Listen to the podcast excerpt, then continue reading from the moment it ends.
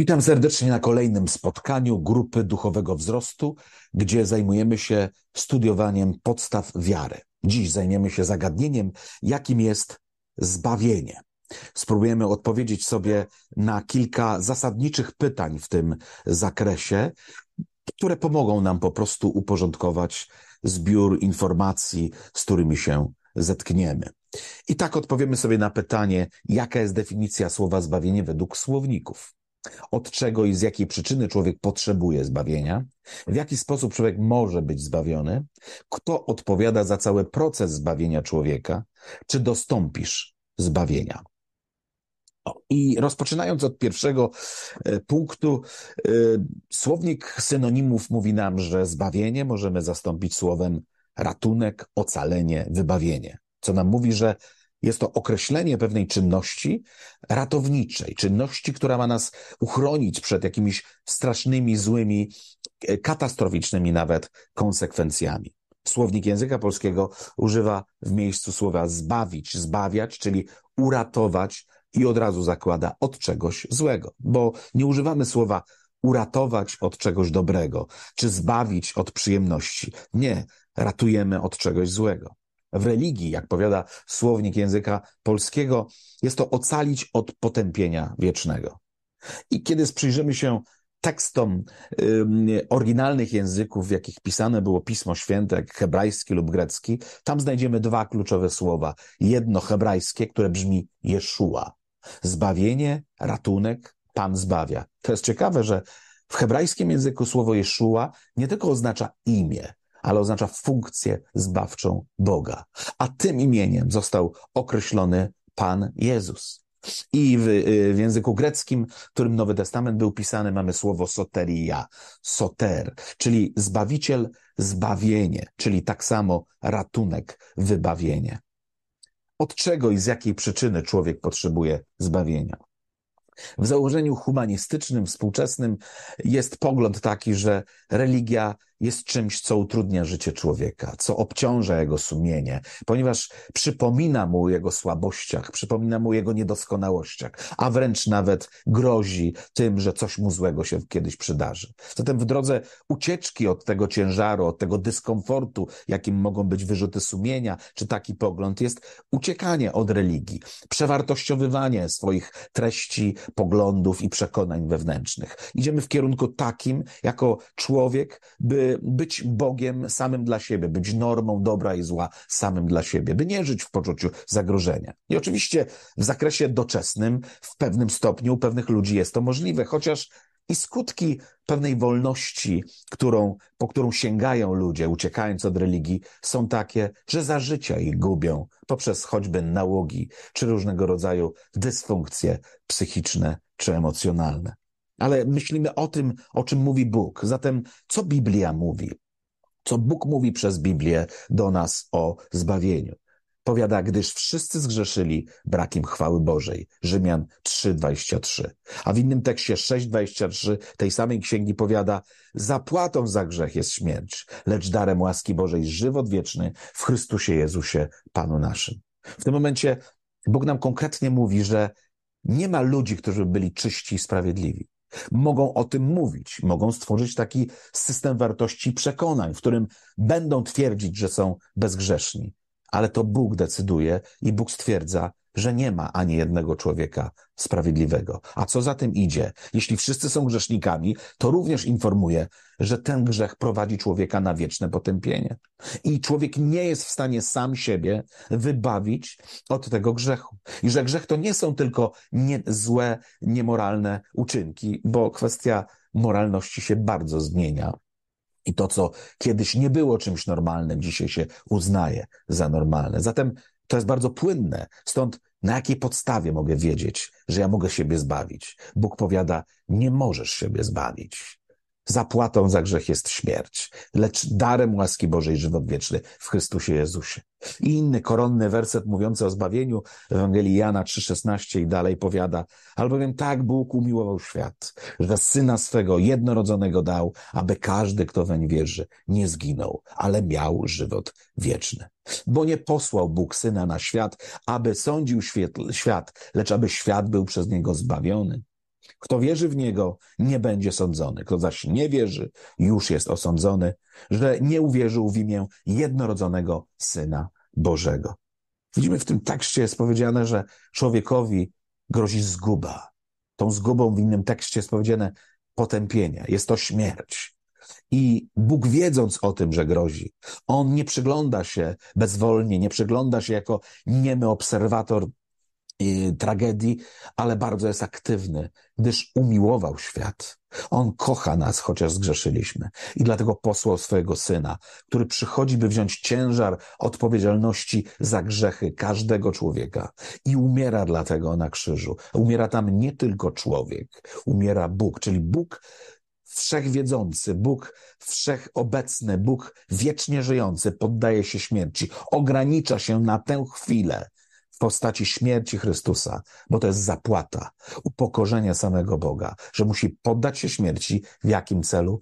By wyratować człowieka. I teraz każdy, kto słyszy to poselstwo i uwierzy temu, doświadcza zbawienia. Zagrożenie dla grzeszników, jakie funkcjonuje. Powiedzieliśmy zguba, ale Pismo Święte więcej tekstów mówi nam, czym jest ta zguba. Są treści, które powiadają, i tutaj Daniela 12:2, że wielu z tych, którzy śpią w prochu ziemi, obudzą się jedni do żywota wiecznego, a drudzy na hańbę i wieczne potępienie. Cóż to takiego znaczy? Że istnieje wieczne potępienie. Że ta zguba to nie jest tylko śmierć chwilowa, jak czasami niektórzy zakładają, umrę, nie będę czuł, nie będę myślał, nie będę pamiętał, nie ma problemu. Nie, to jest perspektywa człowieka. Ale perspektywa Boga, natchnionego Pisma Świętego, mówi nam, że człowiek jest istotą wieczną, dusza ludzka jest wieczna. I to, co będzie nam towarzyszyć w przyszłości, chociaż tu na Ziemi możemy mieć zaburzenia e, pamięci, zaburzenia myślenia, zaburzenia nawet sensorycznych doznań fizjologicznych, to jednak tam, kiedy staniemy po drugiej stronie, to wszystko będzie bardzo aktywne. Będziemy bardzo przekonani dogłębnie i świadomi tego wszystkiego, co się dzieje. Bóg nie chce, by ktokolwiek doświadczył czegoś takiego. I to, co będzie, będzie doznaniem wiecznym. W innym tekście powiada, i to są charakterystyka miejsca potępienia, z którego się śmiejemy, z którego czasami drwimy sobie, że piekło to będzie jak ciekawy pub, w którym będzie się lało piwo, będzie fajna muzyka i, i super kumple, bo z nimi się świetnie bawimy dzisiaj, to samo będzie kiedyś w piekle. No nie. Biblia mówi o piekle troszkę inaczej, znacznie inaczej. I tu czytamy w tekście Marka 9:44. A nieużytecznego sługę wrzućcie w ciemności zewnętrzne. Tam będzie płacz i zgrzytanie zębów. Mateusza 25:30. A w Marka, gdzie robak ich nie umiera, a ogień nie gaśnie. A w objawieniu, a dym ich męki unosi się w górę na wiek wieków. Nie mają wytchnienia we dnie i w nocy. Gdy zbierzemy te informacje, twierdząc i uważając, że to jest natchnione Słowo Boże, z którym należy się liczyć, to choć to brzmi jak metafora, to jednak informuje nas o bardzo poważnym zagrożeniu. Mianowicie takim, że będą to ciemności zewnętrzne, że będzie to płacz i zgrzytanie zębów, gdzie robak nie umiera, ogień nie gaśnie i dzień i noc bez wytchnienia. To jest straszne, powiemy, ale możemy sobie to wyobrazić. Dlaczego Ujęte jest to w takiej formie, dlatego żeby człowiek był w stanie sobie to wyobrazić, ponieważ te doznania są czymś nieprzyjemnym dla nas. My uciekamy. Dlaczego z natury boimy się ciemności? Dlaczego e, płaczemy, kiedy nas boli, albo się bardzo boimy? Kiedy zgrzetamy zębami? Kiedy boimy się i mamy wstręt do robactwa? I kiedy parze nas ogień? I chwilę poparzenia są dla nas jak wieczność. To wszystko doświadczamy już tu na ziemi. Dlatego Bóg używa tych określeń, by wzbudzić nas wyobrażenie, że grozi nam wieczny stan takiego doznania, do którego nie da rady się przyzwyczaić. W jaki sposób człowieku może być zbawiony właśnie od tego potępienia tak dramatycznego, tak katastrofalnego? Pismo Święte mówi, łaską zbawieni jesteście przez wiarę, nie z was Boży to dar. List do Efezjan 2,8. A Izajasza 12,2 powiada, oto Bóg zbawieniem moim. Nie będę się lękał, gdyż Pan jest mocą moją, pieśnią moją i zbawieniem moim. Jeszua, Jezus, Pan zbawia. Bóg jest zbawieniem moim. I tu widzimy, że są e, ciężar gatunkowy e, tego przesłania położony jest właśnie na wiarę i na zaufanie. To znaczy, że ja nic osobiście jako człowiek nie jestem w stanie zrobić dla swojego zbawienia. Moje, mogę jedynie zrobić to, że będę słuchał Ewangelii i odpowiem twierdząco na pytanie, które postawione będzie, czy wybieram zbawienie. I wybiorę je tylko przez wiarę. Wiarę w Pismo Święte, w zwiastowanie o Jezusie Chrystusie. Wiara, ale ta wiara nie tylko jest wiarą normatywną, wiarą, można powiedzieć, e, bardzo teoretyczną, wiarą, która mm, e, ujmuje pewne zagadnienia, my dużo wiemy, znamy historyczne kwestie. Nie, tam musi być czynnik bardzo osobisty. I tutaj to słowo zaufanie pojawia się, że to jest wiara jako zaufanie moja osobista reakcja, nie tylko powszechna wiedza, bo taka jest w Biblii, ale tam jest potrzeba Twojej i mojej osobistej reakcji. Tym jest właśnie zaufanie Bogu, że to, co mówi, jest prawdą. Zaufanie, że to, co, czego dokonał na krzyżu, jest wystarczające dla mojego zbawienia i wystarczy moje posłuszeństwo i życie zgodnie z Jego wolą. Kto może być zbawiony? Albowiem tak Bóg umiłował świat, że syna swego jednorodzonego dał, aby każdy, kto weń wierzy, każdy, kto w niego wierzy, czyli poselstwo Ewangelii i dzieło zbawienia jest dokonane dla wszystkich ludzi.